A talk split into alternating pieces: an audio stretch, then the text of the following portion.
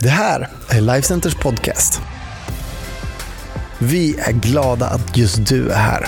Allt du behöver veta om oss och vad som händer i kyrkan det hittar du på Lifecenter.se och våra sociala medier. Här kommer veckans predikan.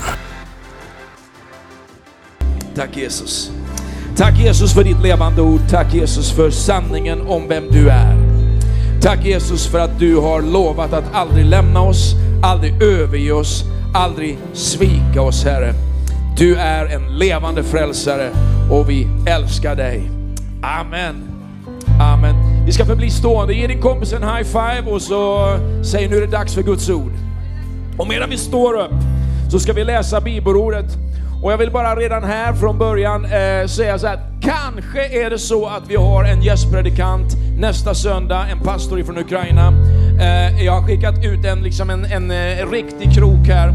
Och håll dig uppdaterad på social media för att om han kommer nästa söndag, han heter Albert, pastor Albert ifrån Kiev, eh, som har levt, levt ett stort universitetsarbete för studenter där, eh, många, många tusen kristna studenter som han jobbar med just nu för att Eh, få ut ur Ukraina in i det som är deras framtid. Men om han kommer så vill jag att du är redo, att vi kan liksom verkligen mangrant sluta upp för att ge honom den support han behöver. Och det skulle vara en kanon-build-up eh, inför det som är This is Life Conference. Men håll dig uppdaterad via social media och be att vi får den här lösningen eh, på gång. Jag brukar aldrig egentligen presentera saker som inte är klara därför att man inte ska bli besviken och så vidare. Men vi kan väl be tillsammans att det här löser sig. Så, så eh, blir en bra uppmuntran både för honom men också en direktrapport som blir sådär äkta och bra. Vi ska läsa bibelordet idag ifrån texten i Filipperbrevet och där läser vi från kapitel 3. Eh, och där står det mycket om rättfärdigheten genom tron. Inte att vi alltså på grund av egna gärningar når Gud, utan på grund av det Jesus har gjort.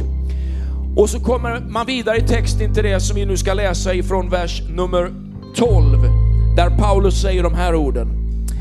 Inte som att jag redan har gripit det eller redan har nått det målet, men jag jagar efter att gripa det eftersom jag själv har blivit gripen av Kristus Jesus. Bröder, jag menar inte att jag redan har gripit det, men ett gör jag. Jag glömmer det som ligger bakom och jag sträcker mig mot det som ligger framför och jagar mot målet för att vinna segerpriset. Guds kallelse i himlen i Kristus Jesus. Det är så vi bör tänka, alla vi fullkomliga. Tänker ni fel i något avseende så ska Gud uppenbara också det för er. Dock, låt oss hålla fast vid det som vi har nått fram till.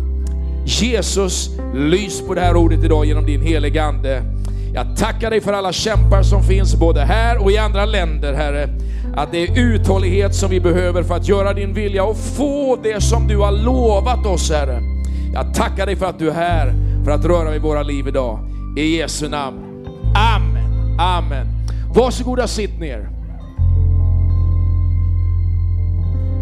Vi är inne i en serie då där vi eh, predikar och talar om det som är den smala vägen, the narrow road, med målet i sikte.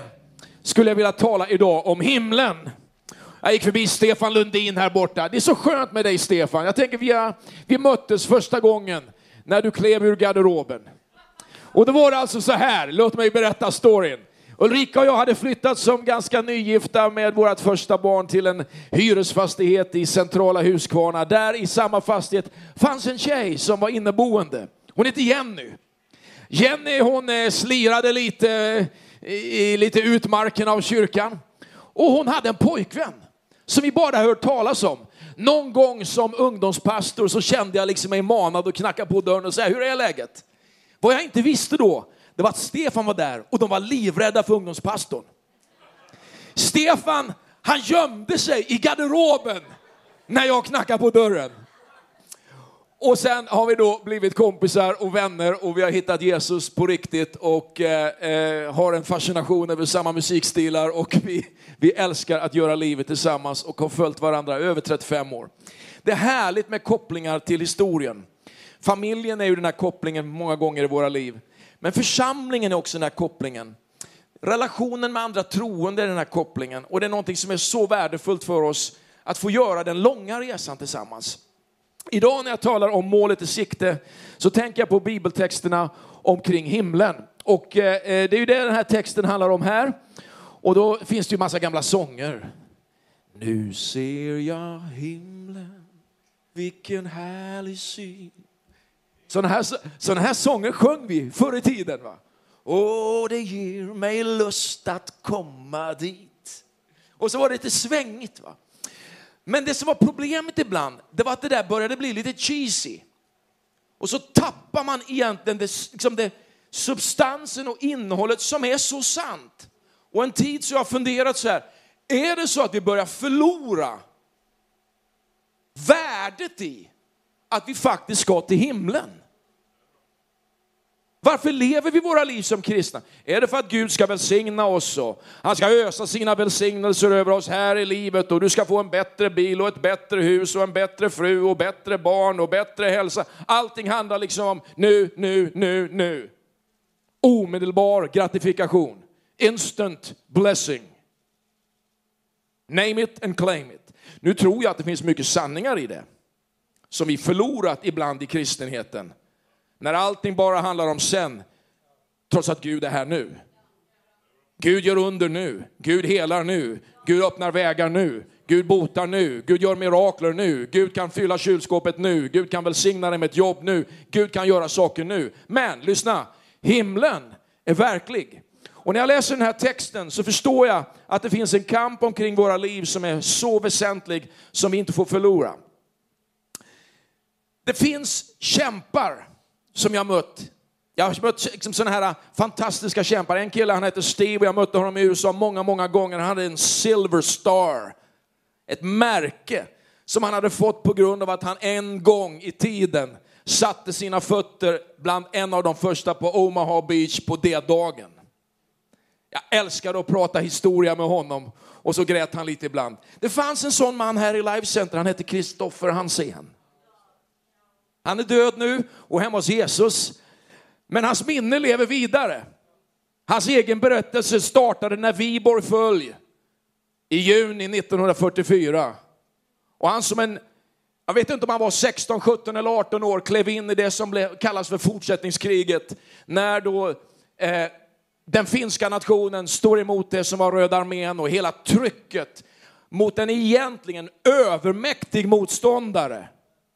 Jag älskar historia.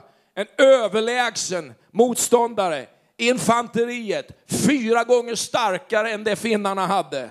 Stridsvagnarna fem gånger fler än de hade. Artilleriet sex gånger fler än det de hade. Och på varenda finsk flygplan så gick det 15 sovjetiska. Och tack vare en enorm offervilja så räddades en nation. Trots att man kanske förlorade en viss yta på Karelska näset så var det en offervilja bland en ung generation som var helt enorm. Och jag tänker på de här hjältarna.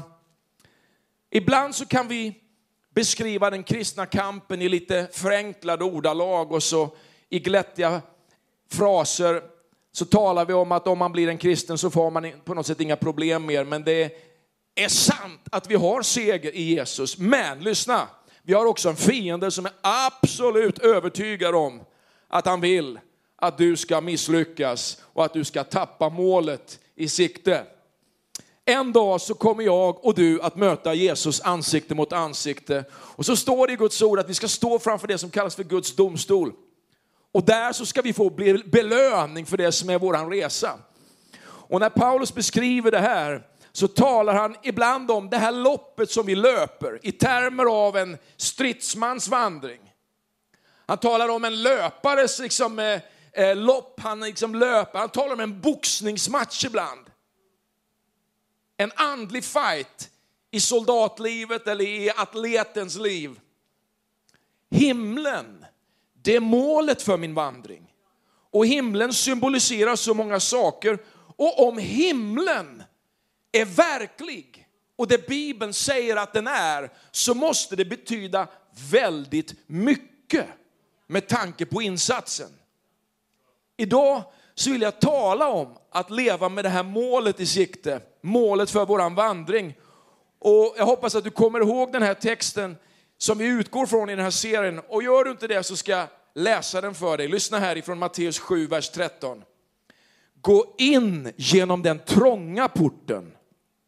Den port är vid och den väg är bred som leder till fördärvet. Och det är många som går in genom den. Men den port är trång och den väg är smal som leder till livet och det är få som finner den. Står du och tvekar efter vilken väg du ska gå, om du verkligen ska följa Jesus, välj den smala vägen. Beräknar du kostnaden för att följa Jesus, välj den smala vägen. Bävar du eller tvekar du om frågan var du ska tillbringa evigheten? Hej, välj den smala vägen. Om man kan välja en av två vägar så tänker jag så här. Om jag väljer den vägen eller den vägen så måste ju den vägen leda till någonting. Och då säger Guds ord och det som vi har läst här, Jesu egna ord, den leder till evigt fördärv. Och den andra, den leder till evigt liv. Då är det ju intressant då när man börjar resan, gör jag resan bara för upplevelsen? Jag tror att man kan säga så här, och vi har sagt det ibland i kyrkan, är du destination happy eller är du journey happy? Alltså, är man bara lycklig när man kommer fram? Jag tror att det kristna livet det är inte bara härlighet när vi kommer fram till himlen, eller hur? Jag har ju mött Jesus nu. Jag har ju fått tag på det eviga livet nu, så jag är inte bara destination happy, utan jag är också journey happy. Igenom det här livet, mina ups and downs, dina ups and downs, det kan jag ju tala om som pastor. Mina ups and downs, det får jag ju bära. Men du vet, jag bär ju också min församlings ups and downs. Dina ups and downs, människors ups and downs. Och det är en del av min kallelse. Och om jag då inte om, om jag bara skulle vara destination happy, lycklig när jag kommer fram, då skulle det vara outhärdligt. Men jag är journey happy, här och nu. Därför att i den glädjen och i den kraften i Gud så finns en styrka som hjälper mig att hantera prövningarna och motståndet. Därför att jag har min glädje i Gud, inte bara i en situation. Jag har min glädje i någonting som är mycket starkare än om bankkontot är fett eller kylen har oxfilé liksom, eller om, om eh, frugan är sitt bästa jag den där dagen eller om barnbarnen är, är lördagsgodis glada. Man måste hitta en djupare glädje. Men lyssna, det finns ett mål för vår resa och det är min första punkt. Det finns ett mål och det finns ett segerpris. Jag älskar liksom de här äh, bilderna när man ser ett äh, Ryder Cup-lag äh, lyfta trofén när man ser en Stanley Cup-vinnare lyfta bucklan och bara säga den ska hem till Västerås. Att man ser en, eh, en, en eh, olympier bara lyfta liksom medaljen och säga wow, tänk, jag gjorde det. Jag var med om det här. Och när jag läser den här texten som vi har läst tillsammans idag så ser jag så här. Det finns ett pris, en belöning för den kristna vandringen, himlen. Har du tänkt så här? Ja, jag är en kristen och det finns ett mål för min vandring. Det finns en belöning, det finns ett segerpris för min vandring. Det var ju precis det som vi läste här. Filipperbrevet 3 och 14. Paulus säger så här, jag jagar nu talar jag inte om hunting här, utan, jag, utan att han, han är fokuserad och han sträcker sig mot någon. Jag jagar mot målet. Det är inte bara lite sådär laid back, det är inte bara lite slumrande, det är inte bara lite inshallah, ungefär om Gud vill, eller när jag vill, eller när någon annan vill. Nej, det är framåtlutat. Det är hungrigt. Det är målmedvetet. En del går till kyrkan, lite laid back. Man lever sitt kristna liv lite slumrande. Men Jesus, han kallar oss till något annat. Och Paulus han säger, du ska jaga mot målet. Alltså det betyder alltså att du sträcker dig mot målet. Du lutar dig framåt mot målet. Du tänker på målet. Hur ska du kunna nå fram om du inte tänker på målet? Ja, men då är du bara ute på en promenad. Men att ha målet i sikte, det är någonting annat. Jag jagar mot målet, säger han, för att vinna segerpriset. Jag jagar mot målet för att vinna segerpriset, Guds kallelse i himlen.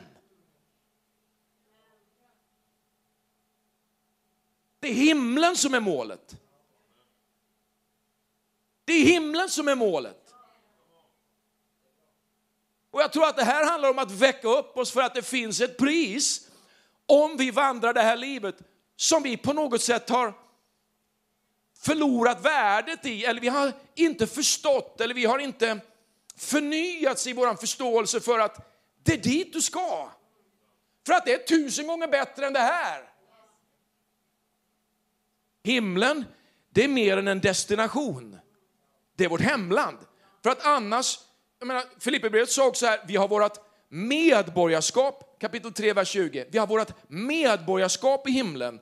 Och därifrån väntar vi Herren Jesus Kristus som frälsare. Det betyder att himlen är den plats där jag kommer att känna mig mest hemma på. Om det är mitt hemland, vet ni jag är ute och reser, jag älskar att resa, men du vet, bara komma hem va. Oh, ARN, Arlanda. Landa. Sverige. Sverige, Sverige, Sverige. Det är det vi kommer höra på tisdag i Polen. Sverige. Sverige! Himlen! Himlen betyder också att det finns rättigheter där. Det finns ett medborgarskap och med det medborgarskapet följer rättigheter. Det är ditt land. Det betyder transformation. Han skall förvandla din bräckliga kropp och göra den lik sin härlighetskropp, står det. Alltså du ska få byta ut det här som haltar lite och knakar lite och känns lite ja, stelt. Det där som vaknar upp på morgonen och måste värmas upp lite. Det ska bytas ut mot en annan kropp.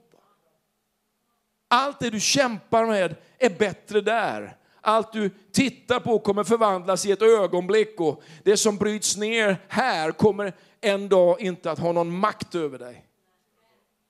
Redan här så lever man med målet i sikte, för segerpriset säger att det finns en belöning i himlen. Och nu tänker du så här, vad är det han är ute efter idag? Jo, lyssna här, Bibeln nämner den här belöningen många gånger. Du hittar 25-50 bibeltexter om den här belöningen, segerpriset. Så kanske någon tänker så här, men är det inte liksom glädjen i Gud, att man är frälst, räcker inte det? Ja, om du tänker så här att tron vilar på den rättfärdighet som Jesus ger dig, då är, då är det ju rätt. Men då kan det ju verka konstigt att man ska belönas för det här livet. Om det ändå inte hänger på din, det du gör, att du är frälst. Va? Jo, då är det så här att en dag så kommer vi att belönas när vi står framför Guds domstol. Det kan du läsa om i Romarbrevet 14, bland annat i vers 10 där. Och den belöningen, den baseras på din trofasthet. Jag är ju kallad att predika hela Guds ord. Är ni med? Du kommer att belönas efter din trofasthet. Och då är det så att den där belöningen, trofastheten, den är, den är knuten till hur du tjänar honom. Alltså din trofasthet, hur du tjänar Gud. Belöningen visar på att du betraktas som ett Guds barn. Gud ser på dig och han vill belöna dig. Och han vill ge dig en belöning genom att fullborda det han själv har sagt. Han fullbordar med den här belöningen lagen om sådd och skörd. Han, han belönar därför att han håller vad han lovar. Ingen som tjänar Herren gör det förgäves, så står det i första Korinthierbrevets 15 kapitel. En annan del av varför Gud och en orsak till varför Gud belönar oss, det är att Jesus, han delar sin belöning med oss. Våra liv är länkade till honom. Och om man är ett Guds barn så är man en arvinge till ett löfte, säger Guds ord. Och om man delar hans lidande, att följa honom, ska man också få dela hans härlighet en dag. Det är jätteviktiga grejer. Det man gör här i livet har ett bestående värde som sträcker ända in i evigheten om man gör det man gör på rätt grund. Så den belöning vi får i himlen, det är inte som belöningar på jorden, därför att vi tänker ibland så i materiella termer. Vi tänker på byggnader och pengar och stålar och guld och silver och allt sånt här. Det är alldeles för endimensionellt att beskriva vår belöning på det sättet. Men när en mogen människa tar emot en trofé, då tänker man så här. Det här är värdefullt på grund av vad den här trofén står för. Den här belöningen jag får, den står för någonting. Alla träningstimmar, all uthållighet, alla tidiga morgnar, alla dagar när jag käkat rätt och sen så har jag bara fortsatt och fortsatt och fortsatt och varit uthållig i det här. Så, så är det också med vår belöning i himlen, den är värdefull på grund av vad den står för. Vår relation till Gud, därför att den påminner oss om vad Jesus gjorde för oss när vi var här på jorden. En himmelsk belöning, den ärar Gud. Den lyfter upp Gud. Och ju närmare man är Gud här på jorden, desto mer värdefullt är den belöningen i himlen. Det är liksom som avslutningen på en fantastisk story. När du ser en fantastisk film så vill du liksom inte ha ett negativt slut. Va? Det är ju det värsta, tror jag min, min fru kan vara med om, en, en film som har ett destruktivt slut. Va? Det ska ju vara ett positivt slut. Tjejen ska få killen och killen ska vinna priset och, och, och, och barnen ska vara lyckliga och, och jobbet ska liksom bli härligt. Och det som var så svårt bara en halvtimme senare i filmen, det har liksom nått sitt klimax och det bryter igenom till seger. Så är det också med den här belöningen. Det finns en belöning. Det andra jag skulle vilja lyfta fram idag är att det är normalt att längta efter himlen. Inte att du vill dö, utan det står så här, inte att jag redan har gripit det eller nått målet, redan, men jag jagar efter att gripa det, eftersom jag själv är gripen av Kristus. Du vet, vi är inte framme än. Vi har fått tag på det bästa i livet, men vi är inte färdiga än. Och det finns en orsak till att du inte är död, utan att du finns här idag. Du är på väg mot ett mål. Och när du lever för ett mål så lever du för att vinna. Va? Om det där känns stressande för dig så ska du, du, du lugna ner dig lite. Därför att det finns en frid i det här som är helt fantastisk. Alltså en inre drive som är beroende av att ha fångat ditt hjärta, inte på grund av att någon annan säger det. Tänk på den här resan som en kärleksrelation. När man älskar någon, då vill man vara där den personen är. Hur är det idag? Var är du? Vad gör du? När möts vi? Ska vi luncha? Ska vi träffas? Det är normalt att längta efter den man älskar. Och så är det också för en kristen att längta efter det som Guds rike symboliserar. Att längta efter himlen är normalt. Min tredje punkt är den här. Din seger är redan grundad av Jesus. Jag sa tidigare att det finns en annan grund för ditt jagande än prestationen. Och här kommer förklaringen till det. I den här texten som vi har läst, i det här kapitlet, kapitel 3 i Filipperbrevet, så gör Paulus upp med allt av prestationstro.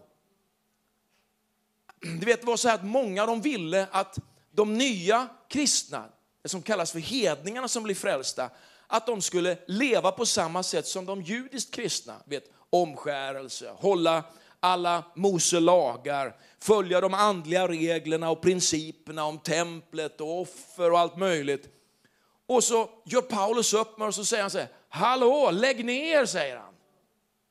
Det hänger inte på det här länge. Det hänger inte på de här lagarna och reglerna längre. Vet, folk de skryter över hur duktiga de är andligt sett. Och så säger Paulus ungefär så här, lyssna här. Fast nog hade jag också kunnat förlita mig på det yttre. Om någon tycker att de kan lita på alla sina prylar och allt det de håller på med så kan jag det ännu mer, säger han.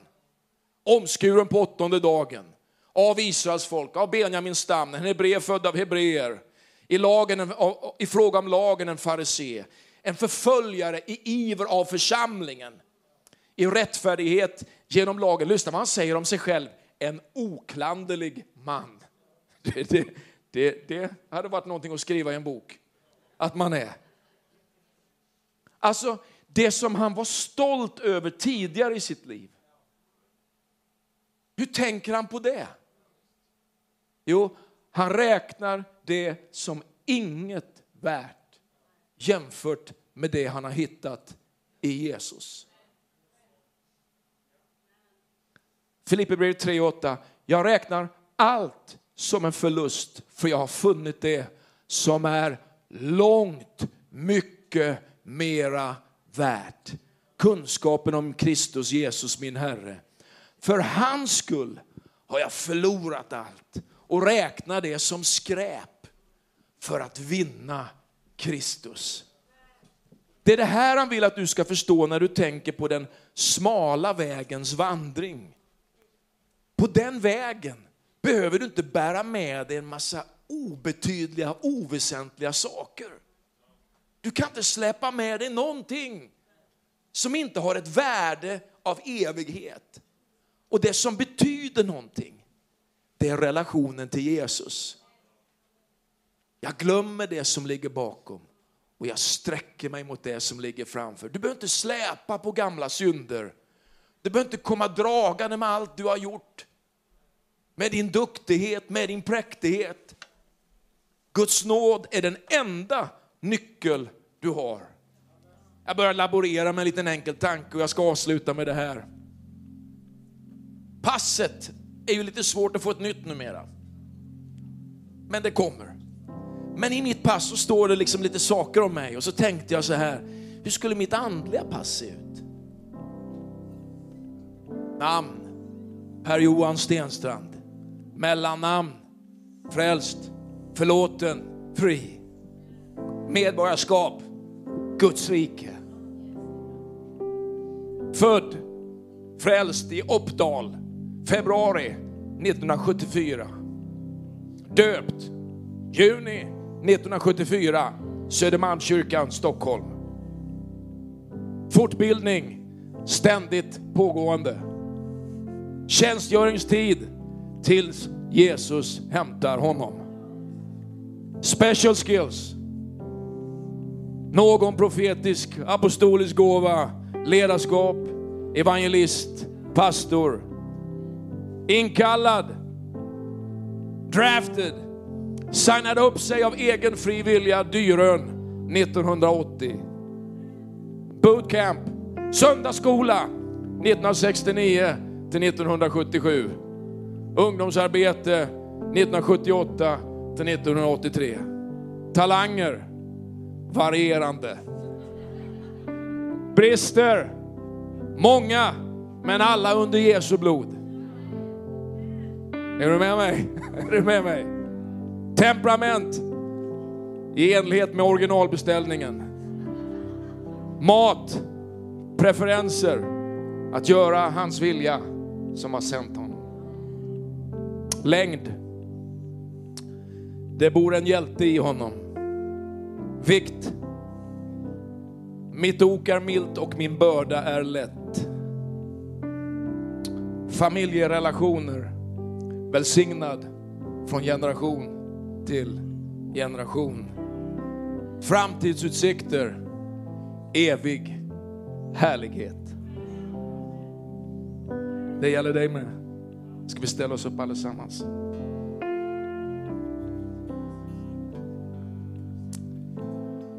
Det är härligt att ha ett mål i sikte. Det är härligt att löpa det här loppet. Och glöm aldrig att Jesus, han älskar dig. Han har en fantastisk plan med ditt liv. Det finns en underbar väg att vandra med Jesus. Det finns ett underbart mål vi är på väg mot. Här idag så säger faktiskt Guds ord, i världen får ni lida. Men frukta inte, var inte oroliga. Jesus säger, jag har övervunnit världen. Det finns ett mål som hägrar och det är sant och dit är du på väg. Vi ska be tillsammans här just nu och vi ska göra en enkel, enkel inbjudan. Jag skulle vilja bara be för dig väldigt enkelt. Du som längtar efter att bara bjuda in Jesus i ditt liv. Uppleva den här äh, fantastiska nåden som det innebär att bara lägga sitt liv, hela sitt liv i Guds händer. Bibeln säger så här i Romarbrevet 3 och 23 att alla har vi syndat och gått miste om härligheten från Gud. Det finns något underbart som Gud hade placerat i våra liv, men synden stjäl det från oss. Och för att du ska få tag på den där härligheten igen så behöver du spegla hela ditt liv igenom Jesus, vem han är. Och när du välkomnar honom in i ditt liv, Bibeln säger att när du i ditt hjärta tror och med din mun bekänner att Jesus är Herre, då händer någonting i dig. Då finns det någonting i den kapitulationen som bara täcker över alla dina brister. Och Jesus säger, du är okej okay. och du och jag, vi är okej okay tillsammans. Vill du göra det i ditt liv så skulle vi vilja be för dig. Vi bara sluter våra ögon, böjer våra huvuden i vår kyrksal här just nu. Skulle du vilja inbjuda Jesus på det sättet i ditt liv, kan inte du bara lyfta din hand rakt upp så vill jag be en enkel bön tillsammans med dig. Väldigt okomplicerat, väldigt sådär ah, bara nära och enkelt här nu. Bara lyft din hand just nu och säg, Per-Johan, be för mig. Det är precis det som jag har längtat efter mitt liv, att lägga mitt liv i Guds händer.